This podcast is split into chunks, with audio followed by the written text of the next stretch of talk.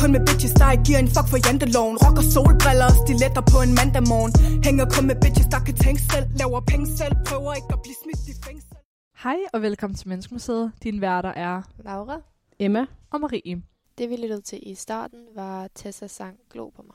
I dag der kommer vi ind på janteloven, og så har vi spurgt jer lytter om, hvad I synes om stolthed. Til sidst så har vi så en lang snak med vores veninde Sara om selvkærlighed og stolthed over sin krop. Ja, og i dag så skal vi jo snakke om stolthed, og derfor synes vi, det var oplagt at tage udgangspunkt i janteloven. Øh, janteloven er den her en række lov, der bygger op på ideen om, at alle øh, er lige i det danske samfund, og man derfor ikke skal tro, man er bedre end andre. Mm. Uh, jeg tænker også, jeg var lidt i tvivl om det, før vi for rent skal i gang dem, så jeg søgte på det. Uh, øh, til jer lyttere, hvis I måske også er i tvivl om, hvad jantelovens 10 bud egentlig er, så vil jeg bare lige kort læse dem op for jer her. Uh, det er, du skal ikke tro, at du er noget.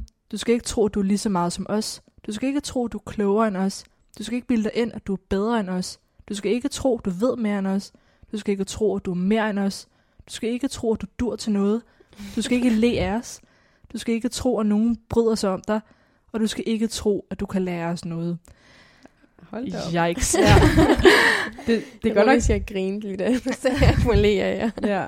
Ups. Og s- ja, hvad er du skal ikke tro, at der er nogen, der holder af dig. Og du skal ikke tro, Den- at du dur til noget. Ja.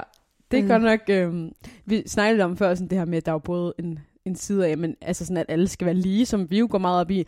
Men så er der også den her med, okay, det bliver måske lidt for voldsomt, når det er sådan, du skal ikke tro, du dur til noget, du skal ikke tro, nogen holder af dig, fordi det er jo også en grad af det, som... Ja, den er, den, er, den er ret voldsom i hvert fald. Man kan godt forstå, hvis man får det lidt dårligt med det, så ikke? Eller hvis man får det dårligt mm. med Mm. sig selv. Øh, Ja. Fordi man, man, eller i hvert fald i forhold til janteloven, får at vide, at man ikke skal tro, at man er noget. Det er som om, det sådan pumper skam ind i at være stolt. Eller sådan, at stolthed er jo ikke en nødvendigvis dårlig ting. Man burde virkelig sådan celebrate det, man er stolt af. Eller jeg ved ikke, jeg føler, at det giver en, en, en stor Mm. glæde, og det er noget, man har lyst til at dele med folk. Ja. Men i forhold til janteloven, så bliver det fucking skamfuldt. Men jeg vil også sige, at der er en grad af, hvor stolt man lige kan være. Ikke? Fordi der er Ja. også det der med, at det, det er en farlig retning, fordi lige pludselig kan man også blive arrogant. Altså så kan man lige Ja. pludselig begynde at opføre sig som, at man er bedre end andre, fordi man er stolt over det, eller hvis man har succes, og sådan, åh kæft, jeg har et godt arbejde lige nu, det betyder, at jeg er bedre end de andre, fordi jeg tjener Mm. mere. Øhm, det er jo, altså man kunne godt være stolt af det, men så bliver det lige pludselig be- på bekostning af andre.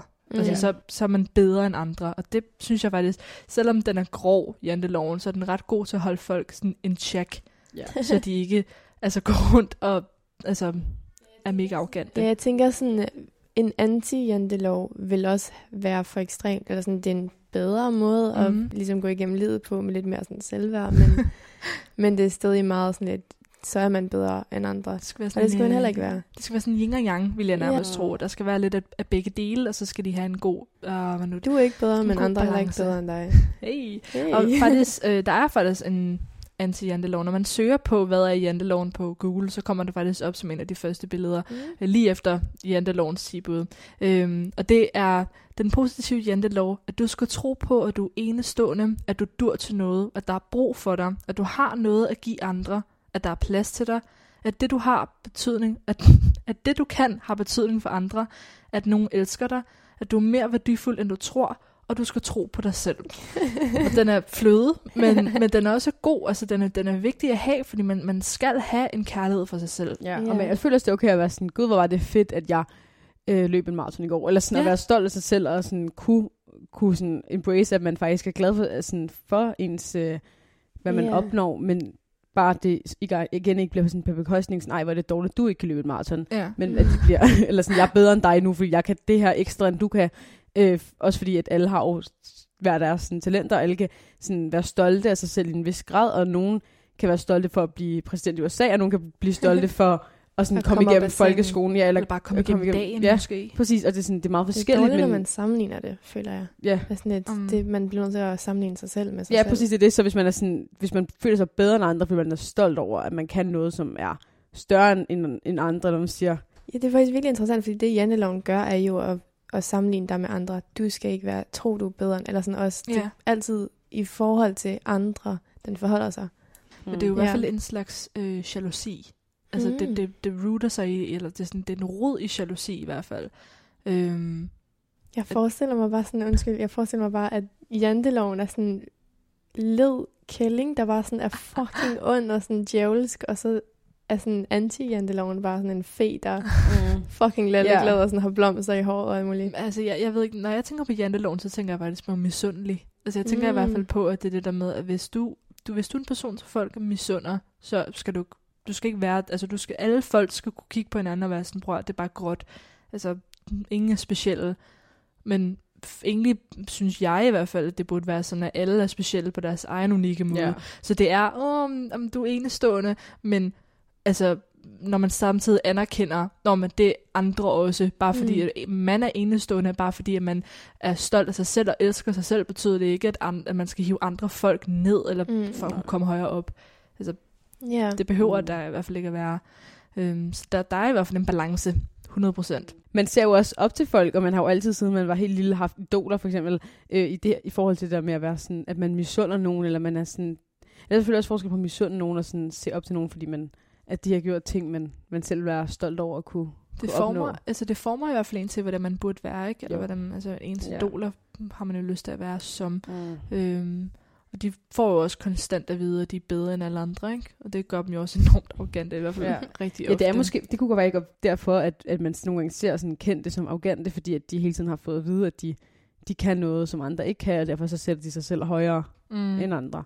Eller, øhm, men det er også sjovt det med, med blære sig øh, og hvad man sådan er stolt over, fordi det er jo tit virkelig et tabu at være sådan, gud, hvor fedt, jeg fik 12 sådan her opgave, eller sådan, så yeah. altså, man må godt kunne, kunne blære sig en vis grad, føler jeg, uden at det bliver på bekostning af andre igen, men yeah. sådan, man må godt kunne være sådan, gud, hvor er jeg stolt, jeg ligger lige på Facebook, og jeg har det gjort, altså har fået 12-tal, eller, yeah. eller løbet maraton. Ja. Derfor så spurgte vi så vores øh, lyttere øh, ind på Instagram, hvad, øh, hvis det ikke var for at blære sig, hvad er du så stolt over? Øh, og vi fik mange forskellige svar, vi fik mange sådan forskellige sådan, ja, det var meget, meget forskelligt. Jeg kan starte med en, der har skrevet, at, øh, at jeg gik op i karakterer til mit sidste standpunkt. Mm, nice. Det tror jeg, at mange unge kan føle sig stolt over yeah. øhm, og glade for.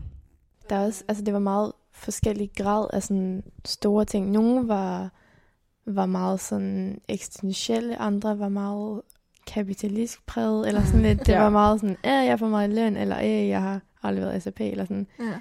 Meget forskellige ting.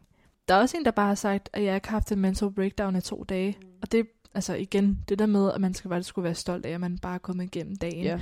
Der er jo forskellige grader af, mm. hvad folk er stolte over, for der er sikkert nogen, måske nogle af jer lyttere, som tænker det, og som tænker, altså, det er jo nemt. Mm. Men det er jo måske ikke nemt for nogen andre. Og det er jo, altså, så det burde man være stolt over. Det er, det er noget, man skal være stolt over, faktisk. Der er også en, der siger, at de er stolt af sig selv for den person, de er, at de er en god person. Og det er også mega vigtigt. Det er sådan lidt at modsige, hvad janteloven virkelig bare siger, men hold fast, eller sådan, det er mm. vigtigt alligevel. Ja. Altså, man, det er en god ting at anerkende, mm. i det mm. mindste, så ikke øh, gør det til en helt personlighed. Ja. ja. øhm, der er også en, der bare har sagt, at jeg startede med at træne igen. Og det er jo, mm. altså, igen, hvad folk synes er, eller hvad folk er vant til, og det må sige, prøv det er jo, det er jo nemt, men det, er, mm. det er jo ikke nemt for alle. Så det er faktisk sådan, altså Plus, igen, jeg føler, der er en ting. stigma i forhold til at træne, at enten så gør man det, fordi at man vil se mere buffet, eller sådan, man gør det for at få en eller anden form for krop, man ser som ideelt. Ja. Men det kan også bare være, at man har lyst til at føle sig sund, eller sådan lidt. Jeg føler, at den er meget sådan lidt, mm. jeg, stolthed over det, at det kan være lige meget, hvad det er, det er stadig stolthed. Øh, så er der også en, der har skrevet, at jeg fortalte min kæreste, at jeg begyndte at ryge igen, og den synes jeg er jo interessant, fordi den, den bunder i, at man har følt en form for sådan skam og skyld, og så at man så kommer ud med den her skam og skyld, og så føler en stolthed. Øhm, og det har vi også snakket om i forhold til sådan uh, body positivity. Det der med, at man måske har følt en skam over sin krop, og men man så kan komme ud med den her skam, og så kan blive stolt over sig selv, og være glad for sig selv. Øhm. Og det er jo egentlig en ret stor debat for tiden, eller i hvert fald det der med, øhm, om man burde vise sin krop på Instagram, fordi man er stolt af den, fordi mm. der er jo stadig nogen, der mener, at det er forkert. Mm. Øh, eller man er faktisk altså, bliver, kan kalde, blive kaldt alt mulige ting, mm. fordi folk stadigvæk ikke synes, at man skal være stolt over det, ikke? at man kan ja. blive kaldt en løder, fordi man ikke har noget imod rent faktisk at vise sig selv, i hvert fald mm. øh, fra et kvindeperspektiv. Øhm, mm. Og det, altså, det, det, er jo, det er jo en svær diskussion også, fordi igen så kommer janteloven ind til, hvad er det egentlig, vi må være stolt over, hvad er det, vi må. Øhm, og det kan godt blive set som arrogant, men hvordan jeg ser det, er jo egentlig bare, at man begynder at elske sig selv, og det, man begynder at komme i et samfund, hvor man faktisk begynder at kunne elske sig selv meget mere. Øhm, og derfor har vi valgt at tale med Sara, en af vores øh, gode veninder, som er åben nok til at, at fortælle os lidt om hendes usikkerheder i forhold til sin krop, og, og hvordan det egentlig er blevet en stolthed for hende nu. Kommer her. Øhm, hej Sara. Ja, hej. Øhm, vi ved, at du har haft nogle problemer med dit kropsimage, og det er noget, du har arbejdet på i længere tid, men mm. Hvornår startede det? Ja, altså det starter måske i hvad, fire-tre år siden. Jeg tror, jeg gik i hvad, 8. klasse, ja. Øhm, men jeg tror, at for barns ben, der har det altid været der. Sådan, det er bare bygget lag op for de små kommentarer, man fik på skolen af, du ved, 6. klasse pigerne. Det var altid der, hvor dramaen startede. Mm. Øhm, og det med, at jeg øh, var den eneste brune pige i min klasse, så jeg havde ikke lige de blå øjne og blandt hår. Øhm, så det var også lidt en usikkerhed, der lige kom op, og jeg ikke lige var så spinkel som de andre. Øhm, men det har også været familie, sådan der, ikke tæt familie, men fjern familie, der har været meget kulturelt på den der side, muslimske side, at hvordan en kvinde skulle se ud, hvordan hun skulle tilpasse sig til den dag, hun skal møde en mand. Så der har også været nogle små kommentarer der, som har bygget lag op på mig, øh, indtil at jeg kom i 8. klasse, og folk begyndte at lige pludselig at tabe sig, på grund af, at de skal lige have en fyr, og øh, fyren kan godt lide, når pigen er træner, og god røv og slank. Og det var jeg ikke på det tidspunkt. Øh, ingen af os var jo det. Vi havde ikke fået former endnu, men det var stadig noget, vi skulle leve op til. Så mine veninder, de var sådan næsten blæret sig over, at de ikke spiste en hel dag, for at tilfredsstille øh, deres nu fyre. Øhm, og jeg var lidt, kan man sige, jaloux over, at de kunne få en fyr, fordi de tabte sig. Så tænkte jeg, mm, så gør jeg det også bare, fordi jeg følte også, at jeg skulle gøre det samme. Øh, så jeg begyndte at tabe mig. Og der mødte jeg så min eks. Øh, og han var jo super glad for, at jeg så trænet ud. Jeg var tynd, jeg var ikke tung, han kunne løfte mig. Øh, og det blev jeg ved med, fordi jeg havde den idé om, at jeg skulle beholde ham, fordi jeg kunne virkelig godt lide ham, og han kunne kun lide mig, hvis jeg var tynd. Så jeg sultede mig selv sådan der i et par dage, øh, virkelig strict ved mig selv, hvad jeg kunne spise, fordi jeg tænkte, hvis jeg spiser det her stykke slik, så tager jeg sådan 20 kilo på. Det, det passer jo ikke, men det var det, min tankegang var. Og jeg vidste ikke, at det var en spiseforstyrrelse, der, der talte til mig lige der. Jeg tænkte bare, at det er bare de regler, jeg har for mig selv. Hvornår gik det op for dig, at det var et problem for dig? At det blev en spiseforstyrrelse? Det gik op for mig, at jeg havde en spiseforstyrrelse, da jeg, øh, efter jeg slog op med min eks, at jeg begyndte at overspise. Så det var ikke anoreksi længere. Det vidste jeg ikke engang, hvad det hed. Jeg vidste ikke engang så meget om spiseforstyrrelse dengang. Øh, der begyndte jeg bare at overspise, fordi nu er jeg fri. Nu havde jeg ikke en kæreste, nu havde jeg ikke en før, jeg skulle tilfredsstille, at jeg skulle være tynd for. Så jeg endte bare med at æde mig løs sådan kunne spise et halvt pakke toastbrød. Altså, æde mig løs. Fordi jeg har savnet den smag af lækker mad. Øhm, så kom jeg i første G, og jeg havde taget mega, mega meget på. Jeg gik først veje 47 kilo til nu, øh, hvad var det, 68 tror jeg faktisk. Og der var jeg jo mega bange for at møde jer. Øhm, så jeg begyndte at tage affaldsspiller i første G. Øhm, og jeg tænkte aldrig, at jeg vil ende derud. Og jeg tænkte stadig, jeg har ikke en spiseforstyrrelse, jeg har ikke en spiseforstyrrelse. Det er ikke sandt, det er ikke mig. Det sker ikke for mig, det her. Så kommer jeg hjem en dag efter skole, øh, og jeg ser, at min mor har gjort rent på min værelse. Men så ser jeg, at hun har været det sted, hvor jeg har gemt mine piller. Og så kommer jeg ind i stuen, og der sidder hun med dem og tudbrøler over, at det her sker for mig lige nu. Og hun er, føler, at hun mister sin datter, at jeg forsvinder længere og længere væk. Så siger hun til mig, please ikke være sur, men du har brug for hjælp. Jeg er ked af at sige det, men du har altså en spiseforstyrrelse, og jeg kunne se det, da du var sammen med din eks, og jeg kan se det nu. Men det er bare to forskellige typer af spiseforstyrrelse. Har det nogensinde været en samtale, jeg havde haft før, eller var det bare... Aldrig. Aldrig? Det, det, det ligger også til kulturen, altså ja. med at være muslim. Det er ikke, du snakker ikke om dit mentale helbred på den måde. Øhm, selvfølgelig min mor er ikke så muslim, øh, men jeg kunne godt se på hende, at det var hårdt for hende at sige højt. Og det var også for hårdt for mig at høre hende sige det, netop fordi det ikke er så normalt derhjemme. Mm. Mm. Øhm, og der begyndte jeg at græde, for jeg følte også, at jeg havde skuffet min mor. At jeg havde skuffet mig selv for det første. At jeg lå det gå så langt ud.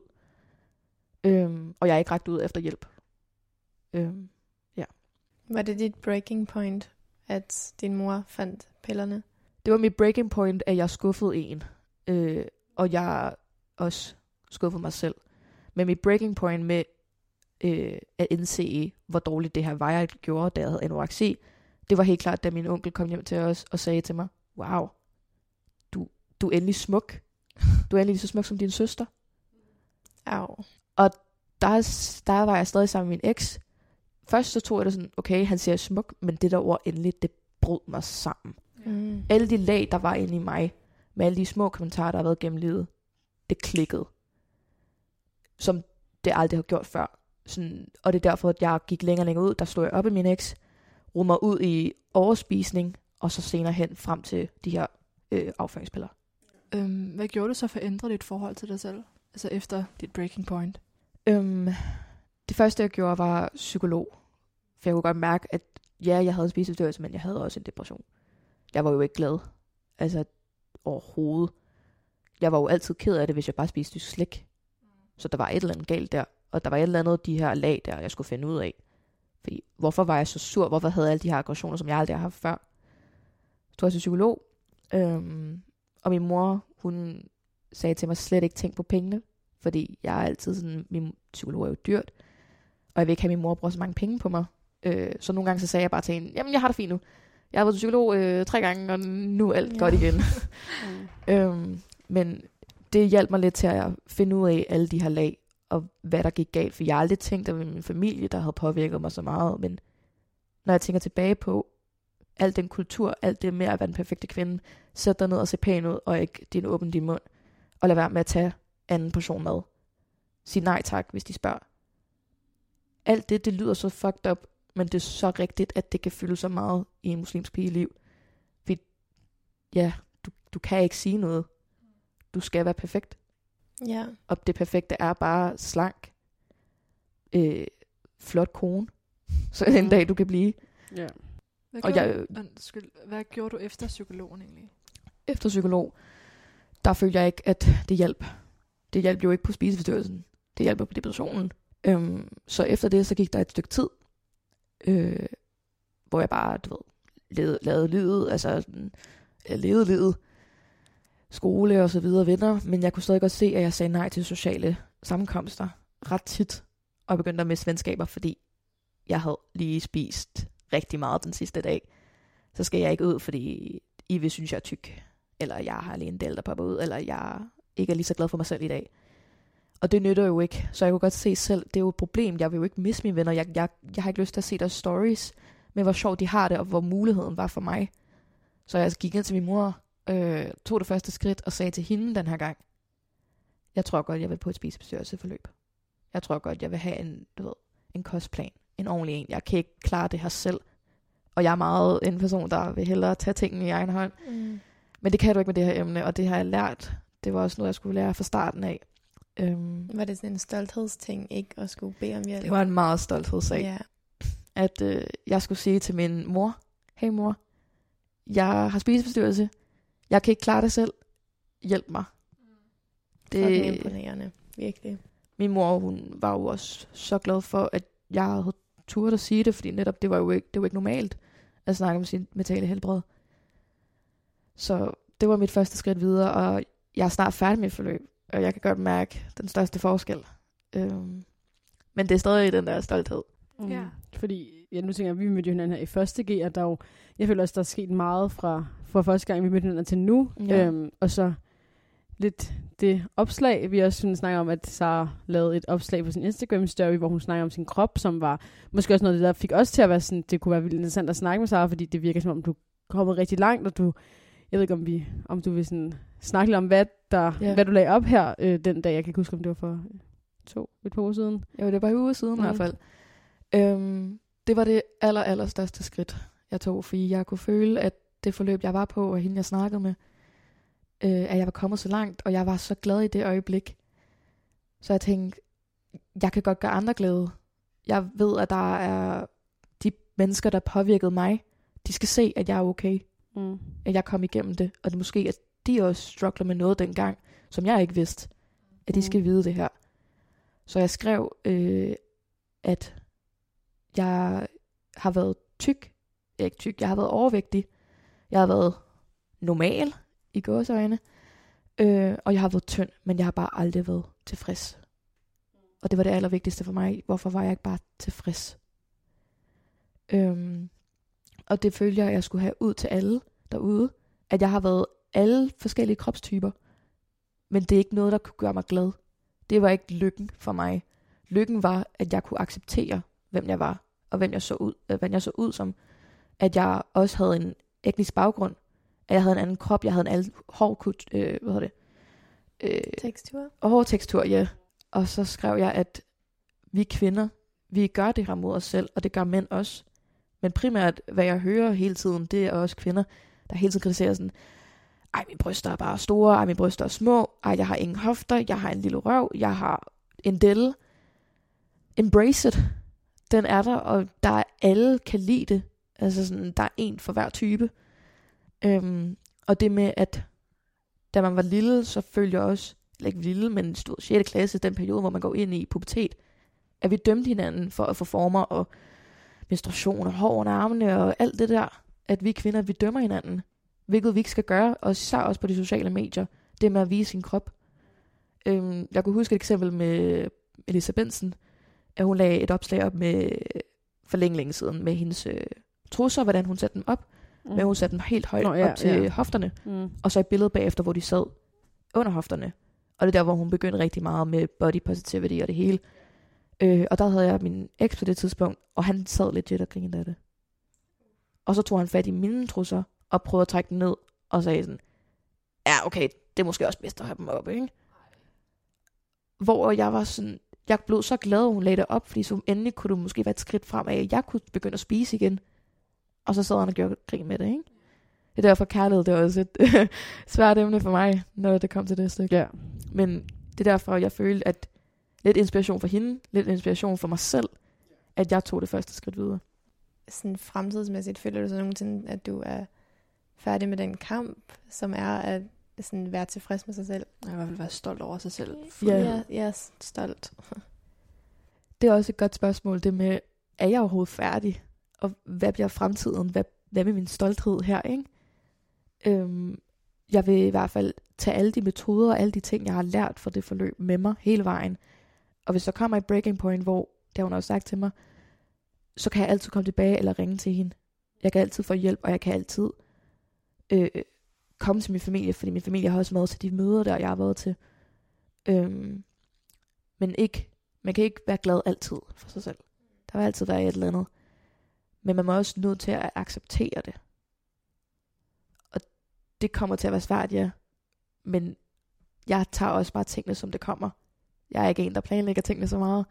Det kommer, når det kommer, og hvis jeg en dag bliver ked af det for, at jeg har hvad, spist rigtig meget den dag, så vil jeg ikke gå tilbage til det hul, jeg var i. For jeg bliver ved med at remind mig selv, hvor jeg sad to år siden, om jeg vil tilbage dertil, og det vil jeg ikke. Vil du sige, du er stolt af dig selv nu? 100 procent. Jeg er stolt af den person, jeg er lige nu. Stolt af min krop. Stolt af, hvor langt jeg er kommet. Stolt af mine forskelligheder. Øh, det med, jeg har, jeg har jo døve forældre, øh, så det er jo også en helt andet ting. Mm. Øhm, og jeg er stolt af, at jeg har en anden baggrund. Jeg er stolt over, at min former, jeg er stolt af selvfølgelig min fortid. Jeg vil ikke være flov over den, fordi jeg skulle lære noget derfra. Så jeg er stolt af den. Øhm, ja. Hvad er det? Hvor er det dejligt at høre. Ja, ja, ja. det er voldsomt imponerende. Mm. Og så virkelig inspirerende. Tusind tak. Jeg håber også, at det, jeg går igennem, det kan inspirere andre. Fordi selvfølgelig kan man ikke sige til dem, bare lad være. det, kan, det kan man ikke. Men man kan sige til dem, at små skridt, det er vejen frem. Lige meget hvor store og lille det betyder for hvert menneske. Altså bare at spise et stykke af, af en bolle, altså det, det kan være det mindste. Jeg er i hvert fald meget stolt af mig selv. Vi er stolte af dig. Ja, det er meget.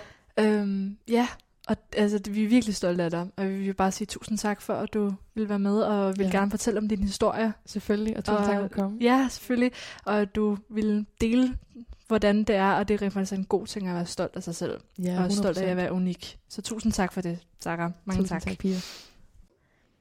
Øhm, tingen med stolthed er, at der er også forskellige former for stolthed. At der lidt findes den, vi har talt om i forhold til janteloven, at man kan godt være skamfuld over faktisk at være stolt af nogle ting, men der findes også den stolthed, man ser i andre, hvor, hvor folk egentlig ikke tør at spørge om hjælp, som for eksempel Sara, men at man ikke rigtig kan, man opretter det her glansbillede af ens hverdag, eller sådan over for andre, øhm, som ikke er sådan som den første slags stolthed, vi har talt om, som er meget indadvendt. Den her er lidt mere sådan en facade mod andre. Det er bare interessant, at, at stolthed egentlig også har forskellige aspekter i sig. Ja, og til jer, der lytter med, så håber I, at tager Saras historie til jer, og er stolte af jer selv, uanset hvilken situation I står i. Tusind tak for, at I lyttede med i dag.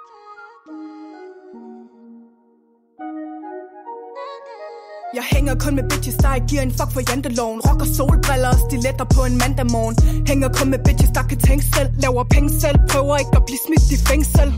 Jeg hænger ikke med bitches, der taler med to tunger. Dem der lyver om alt, men råber tro på mig. Kun syv mennesker har mit telefonnummer. Giv mig love, eller så lad være at stå og glo på mig.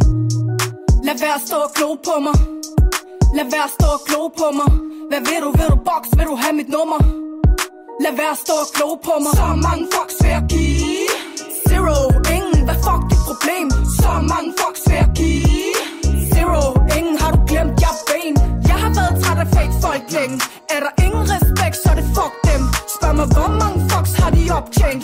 Zero, ingen, hvad fuck dit problem? Du siger, du ikke kan lide mig, mens jeg er alt på Instagram. Observerer, kommenterer, kælling, så er du bare en fan. Holder mine vipper lige så sorte som min sjæl. Lige så lang som min liste over bitches, jeg vil kvæle har du aldrig set en boss bitch i aktion? Kan ikke duplikeres, for der findes ingen skablon. Kom igennem hårde tider, lever for de gode stunder. Giv mig love, eller så lad være at stå og glo på mig. Lad være at stå og glo på mig. Lad være at stå og glo på mig. Hvad vil du, vil du box, vil du have mit nummer? Lad være at stå og glo på mig.